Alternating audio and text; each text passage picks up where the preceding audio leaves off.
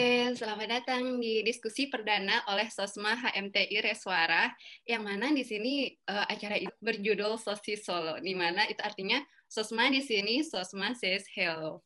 Nah, di diskusi ini saya ditemenin oleh tamu undangan kita nih, Mas Haikal Pramono, yang mana akan membicarakan salah satu topik SDGs, yaitu mengenai penanganan perubahan iklim. Gimana Mas Haikal kabarnya? Uh, halo semuanya, halo Nafisa. Alhamdulillah kabarnya baik-baik aja. Tapi karena liburan nih, jadinya merasa diri ini tidak semangat nih, Naf. Wah, nggak semangat semoga, gimana rasanya? Iya nih, semoga teman-teman yang lain yang dengerin, uh, karena dengan podcast ini jadi semangat gitulah. Wah, amin. Nah, kan mungkin beberapa dari pendengar diskusi kali ini, uh, ada beberapa yang belum kenal nih sama Mas Haikal. Bisa nggak Mas dikenalin Mas Haikal? Itu siapa sih sebenarnya?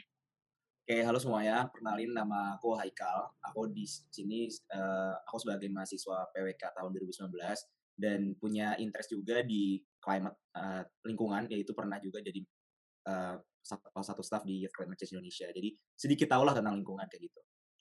Nah, asik nih ya. Jadi diskusi yeah. kita. Iya, jadi uh, aku mulai aja ya, Mas.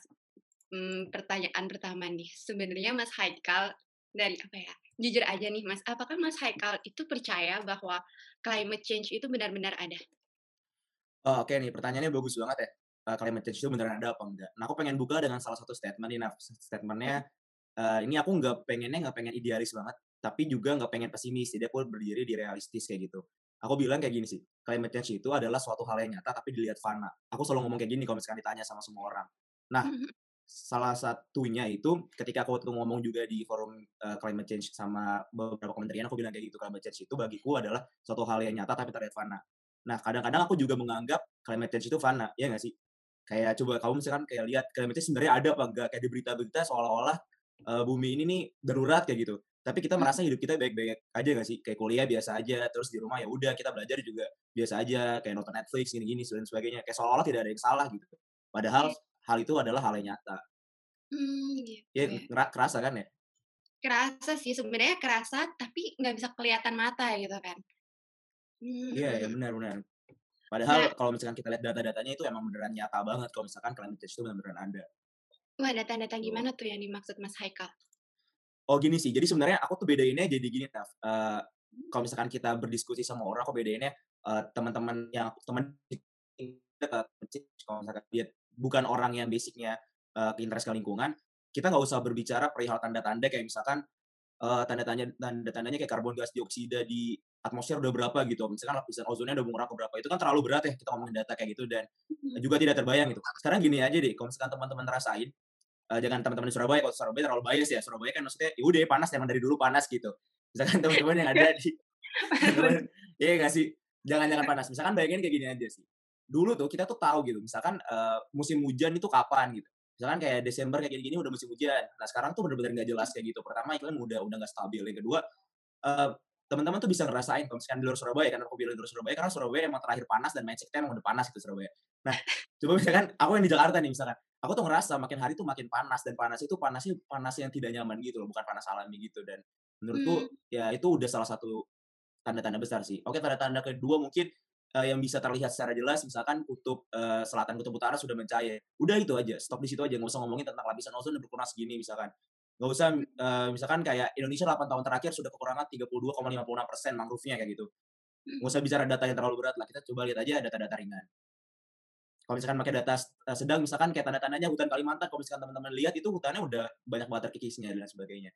Dan oh. climate change itu menurutku dengan lingkungan itu kayak ada korelasinya gitu loh. Jadi ketika kita ngomong climate change, berarti kita juga nanti ada irisan kita ngomongin lingkungan, ngomongin hutan dan ngomongin sebagainya. Makanya tadi aku ngeluarin data tentang hutan. Gitu. Hmm. Nah, jadi itu menarik banget sih data-data itu apalagi kan pada bulan apa ya Januari Februari ini banyak banget bencana alam ya terutama ya. Nah, yeah. gimana Mas Haikal melihat bencana alam itu terus gimana ya? Kita ini sebagai mana mahasiswa, kita tuh harusnya gimana sih Mas? Apalagi kita lagi online, lagi maksudnya yeah katakan tidak bisa terjun langsung ke masyarakat yang terkena uh, apa ya katakanlah imbas dari climate change yang telah kita tabung gitu beberapa tahun ini. Oke, jadi kita ngomongin masalah mahasiswa ya, peran mahasiswa dan sebagainya tentang climate change. Aku startnya dari kayak gini, kita startnya dari dua poin nih. Pertama adalah, uh, apakah kita aware terhadap climate change? Itu pertama kali. Itu pertama-tama yang harus kita tanyakan ke dalam diri kita sendiri. Terutama, uh, tanyain ke diri sendiri, nggak usah ke orang lain. Nah, kayak misalkan aku nanya ke diriku, emang climate change itu beneran ada apa enggak sih? Nah, tadi kan udah aku simpulin di awal, climate change itu adalah satu hal yang nyata tapi terlihat fana. Di situ aku percaya ada, tapi aku nggak ngerasain secara tidak langsung gitu. Nah, ketika aku lihat data-data besar, aku percaya, oh climate change ada. Dan di sana aku aware kayak, oke, okay, setidaknya Haikal berkontribusi sedikit untuk climate change, untuk bukan climate change, untuk uh, menghindari bumi ini uh, dari dampak-dampak climate change misalnya kayak gitu ya. Nah, di situ baru kita startnya dari mahasiswa gitu. Nah, aku aku aku sering nyebut gini kalau misalkan ngobrol sama orang lain, klaim, uh, mahasiswa itu adalah soal adalah intermediary actor atau adalah aktor tengah dari banyak sektor-sektor. Misalkan kayak aktor tengah dari masyarakat sama pemerintah, aktor tengah dari akademisi sama seorang siswa. Nah, jadi kita tuh bisa berdiri sebagai seorang yang penyambung lidah rakyat. Nah, di sini kita nggak usah nunggu, kita nggak usah nunggu peran dari pemerintah, kita nggak usah nunggu dari peran dari akademisi atau dari institusi atau dari universitas gitu. Karena kita bisa berdiri di tengah, kita bisa menjembatani semua orang dan kita bisa melakukan action by, uh, by passion kita gitu. Nah, di sini perlu ditekanin, kita bisa melakukan action by passion. Uh, jadi aku selalu bilang kayak goals besar kita adalah climate change ini di dunia ini uh, akibatnya makin lama makin menurun gitu. Nah, di sini hmm. kita itu think big kita, goals besar kita. Nah, sekarang pertanyaannya kapan kita memulai? Nah, startnya start small. Start small dari action by patient. Start small dan kita move fast. Cara move fastnya kita kolektif bareng-bareng. Kita buat namanya kolektif impact gitu. Misalkan kayak aku nih, aku uh, adalah aku tuh nggak suka, aku kurang nih, aku kurang suka misalkan kayak nanam-nanam mangrove, aku kurang suka karena menurutku ya aku kurang suka aja. Di sana buang-buang waktu, capek dan sebagainya itu nggak apa-apa. Nah, tapi di sini aku bisa nulis, aku bisa berbicara sama orang, misalnya kita bisa bikin podcast atau misalkan aku bisa menginfluence at least misalkan dua orang temanku gitu. Ya nggak apa-apa. Itu passionku di sana. Dan aku menggunakan passionku untuk action gitu. Nah, nanti misalkan kayak Nafisa nih, misalkan Nafisa lu uh, eh lu kayak kamu misalkan passionnya apa misalkan? Uh, passion aku juga sama sih kayak ngobrol gitu-gitu. Kalau ke tanaman memang apa ya di benak aku masih sedikit uh, menyusahkan diri gitu. Apalagi untuk take care hmm. of a plant itu tuh masih yeah. yang ribet gitu ya.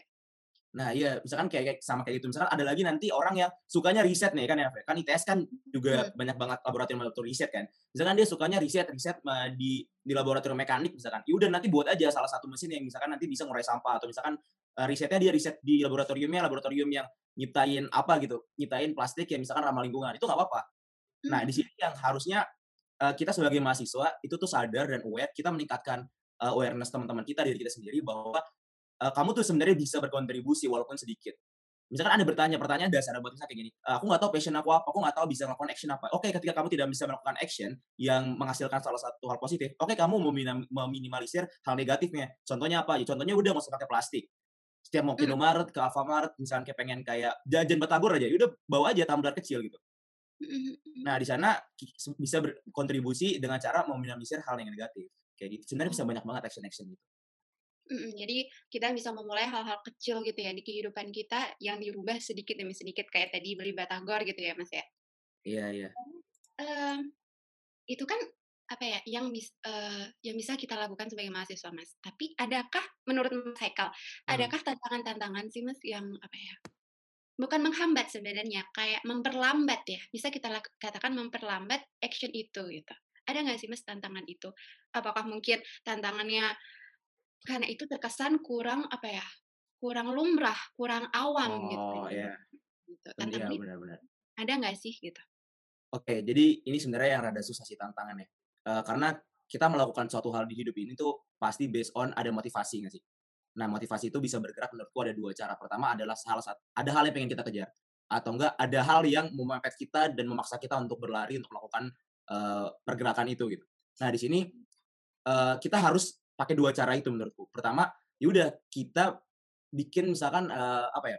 Climate change ini suatu hal yang menarik. Nah, sekarang kita bayangin aja deh. Kayak misalkan aku nih, atau dengan aku deh, misalnya kamu nih. Orang lebih interest mana misalkan berbicara tentang climate change atau berbicara tentang startup atau berbicara tentang bisnis. Jujur aja, Gimana menurut Naf? Sekarang sih jujur startup ya, karena lagi hype banget kan. Iya, misalnya startup bisnis atau misalkan nanti kayak lebih self development, karir kita gimana, misalkan kayak gimana cara buat CV, yang buat teknikalnya kayak gitu ya. Orang lebih interest gimana, dia pengen tahu caranya buat CV, caranya biar interview bagus, caranya bekerja nanti gimana caranya, daripada dia pengen tahu nih gimana caranya mengurangi gas emisi karbon dioksida misalnya kayak gitu, ya nggak sih? Nah, aku juga hmm. aku juga merasa kayak gitu. Nah, di sana tantangannya adalah dua tadi. Gimana caranya kita bisa membuat climate change itu salah um, menjadi satu hal yang uh, seinteres itu, semenarik itu. Nah, berarti hmm. caranya yaudah kita bungkus dengan hal yang benar-benar menarik. Buat aja misalkan lomba startup atau lomba bisnis, uh, bisnis plan tentang uh, uh, misalkan kayak apa ya, bisnis-bisnis lingkungan kan banyak banget sekarang, atau bikin NGO-NGO lingkungan yang benar-benar menarik. Tools-nya pakai tools karir. Tapi tapi goals-nya itu goals buat lingkungan, misalnya kayak gitu. Satu, berarti kita tantangannya tadi kita bisa menyelesaikan tantangan yang gimana orang biar interest. Yang kedua adalah gimana caranya orang biar takut. Takut maksud sini adalah mereka takut nih kalau misalkan kehidupan mereka terancam. Kalau misalkan uh, climate change ini itu memberikan dampak buruk. Tadi iya. kan logik aku kan dua. Pertama kita kasih mereka suatu hal yang menarik agar mereka datang ke sana. Itu namanya kayak uh, pull marketing. Yang salah satu kita push marketing. Kita dorong dari belakang seolah-olah climate change ini memang, memang berbahaya. Nah emang berbahaya kan dasarnya kita nggak tahu itu berbahaya. Berbahayanya tidak terlalu berdampak sama kita. Nah yang pengen gua aku tekenin adalah kayak gini. Uh, climate change itu sebenarnya itu mengganggu segitiga Maslow di hidup kita. Nah, segitiga Maslow itu kan segitiga uh, human needs ya, kayak kebutuhan manusia. Nah, di kebutuhan manusia itu kebutuhan manusia yang kedua, tingkatan kedua adalah kebutuhan keamanan gitu. Harusnya manusia itu merasa aman hidup uh, di dunia ini. Nah, dengan adanya climate change, seharusnya manusia itu sadar kalau misalkan keamanannya terancam. Hmm. Coba bayangin aja bumi 30 tahun lagi misalkan bisa tenggelam, kita nggak tahu loh permukaan air laut naiknya naiknya segimana. Nah, jadi hmm. kalau misalkan ditanya gimana caranya, tantangannya sebenarnya itu. Tantangannya adalah bikin gimana caranya manusia ini mau bergerak atau mahasiswa ini mau bergerak untuk melakukan action. Sesimpel itu. Cara caranya untuk menghilangkan tantangan itu dua tadi. Pertama kita buat tarikannya yang besar biar biar mahasiswa ini mau ke sana, mau melakukan action. Yang kedua kita dorong dari belakang, oke okay, ini climate change ini berbahaya dan sebagainya. Akhirnya mereka melakukan action secara tanda kutip terpaksa. Tapi pada akhirnya mereka akhirnya uh, enjoy dan senang dan akhirnya jadi suatu habit yang baik kayak gitu. Oh gitu. Ya, aku nangkep sih maksudnya gimana itu. Uh, last question nih Mas untuk menutup uh, dan menyatakan fakta gitu. Oke. Okay. Uh, menurut Mas Haikal, kesadaran apa ya katakan mahasiswa atau apa ya penerus bangsa kita terhadap perubahan iklim terutama nih terutama di Indonesia itu gimana? Kesadarannya ya, kesadarannya menurutku sangat sangat rendah tapi tidak serendah itu. Jadi aku pengen bilang rendah tapi tidak serendah itu. Karena jujur aja ketika aku bergabung ke komunitas-komunitas uh, uh, yang climate change atau iklim itu, memang sangat sedikit orang yang fokus ke sana gitu. Bahkan yang ada di dalam sana pun sangat sedikit untuk serius. Nah, kesadarannya benar-benarku sangat rendah. Tapi aku tidak bilang ini apa ya, ini ini satu hal yang mustahil untuk kita coba bareng-bareng membuat gerakan atau membuat impact dari dalam diri kita sih.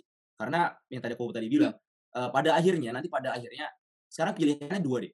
Kita pengen geraknya sekarang untuk meminimalisir dampak yang besar di kemudian hari atau kita mau bergeraknya nanti ketika dampaknya sudah besar baru kita kewalahan akan dampak itu.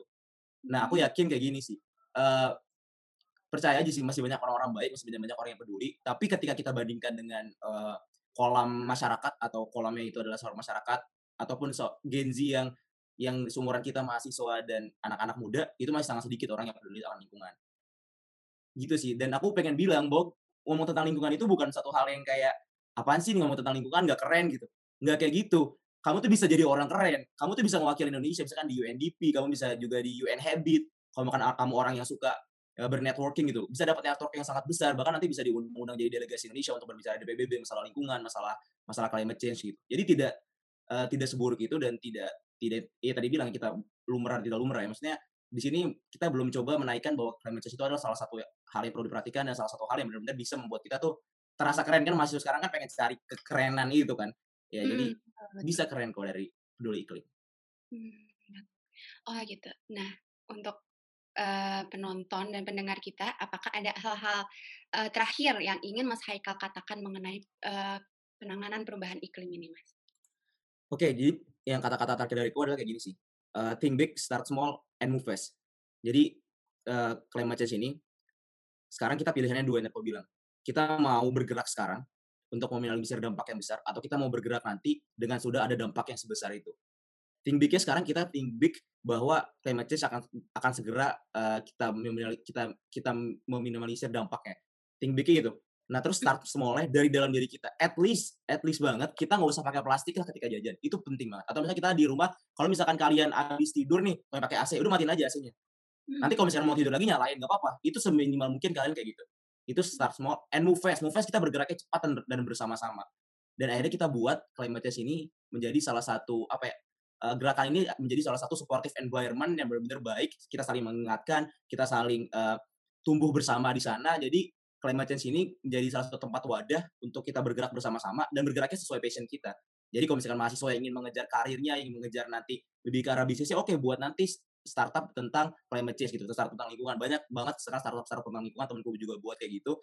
Nah, kalau misalkan teman-teman yang suka sains sih udah buat inovasi-inovasi apa tentang lingkungan.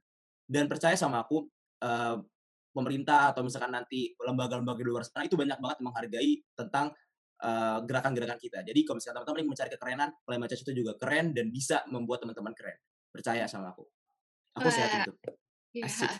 Ya, asik banget nih, insightful banget sumpah ah, karena gitu. ini kan kita bertujuan untuk uh, mengajak teman-teman kita untuk at least sadar akan adanya climate change gitu kan. Kal. Udah. Yeah. Terima kasih banget ya atas waktu, ilmunya, pengalaman Haikal yang luar biasa tentang climate change ini, wawasan-wawasannya. Jadi uh, saya selaku moderator berterima berterima kasih juga kepada Haikal atas waktu dan wawasannya serta saya ucapkan juga kepada penonton dan pendengar diskusi perdana dari Sosma HMTI Respara ini terima kasih sebanyak-banyaknya dan saya mohon maaf jika ada salah kata dan ada hal-hal yang kurang berkenan. Dan saya tunggu di diskusi lainnya di diskusi ini. Kemudian saya tutup. Terima kasih dan ingat ya teman-teman, stay at home dan stay safe. Dadah. Oke, okay, dadah semuanya. Thank you, thank you.